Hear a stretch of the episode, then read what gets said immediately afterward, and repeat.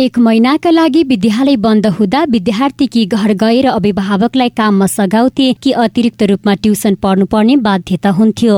यसो हुँदा पढेका कुरा पनि बिर्सने चिन्ता हुन्थ्यो।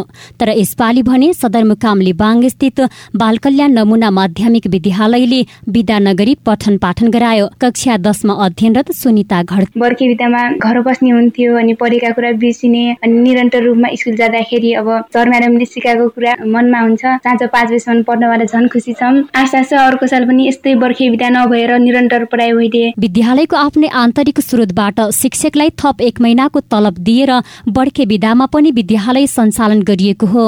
विद्यालयमा पठन पाठन निरन्तर भएपछि अभिभावक पनि खुसी भएका छन्। एकजना अभिभावक गोमा पुन।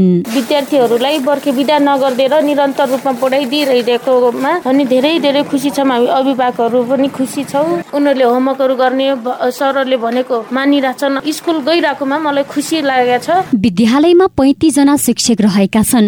उनीहरूको लागि एक महिनाको अतिरिक्त तलबको हिसाब गर्दा करिब आठ लाख हुने विद्यालयले जनाएको छ।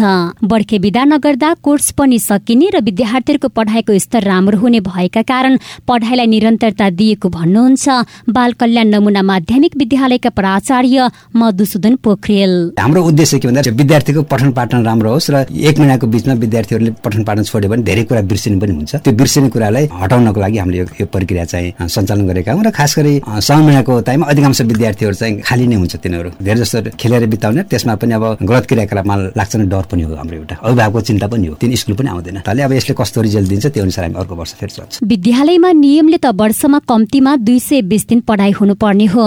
तर यो विद्यालयले दुई सय पचास दिन पढाउने गरेको छ। विक्रमसम्म दुई हजार तेइस सालमा स्थापना भएको विद्यालयमा अहिले पच्चिस सय विद्यार्थीले अध्ययन गरिरहेका छन्। Himali Khadka CIN radio Malashree Rolpa.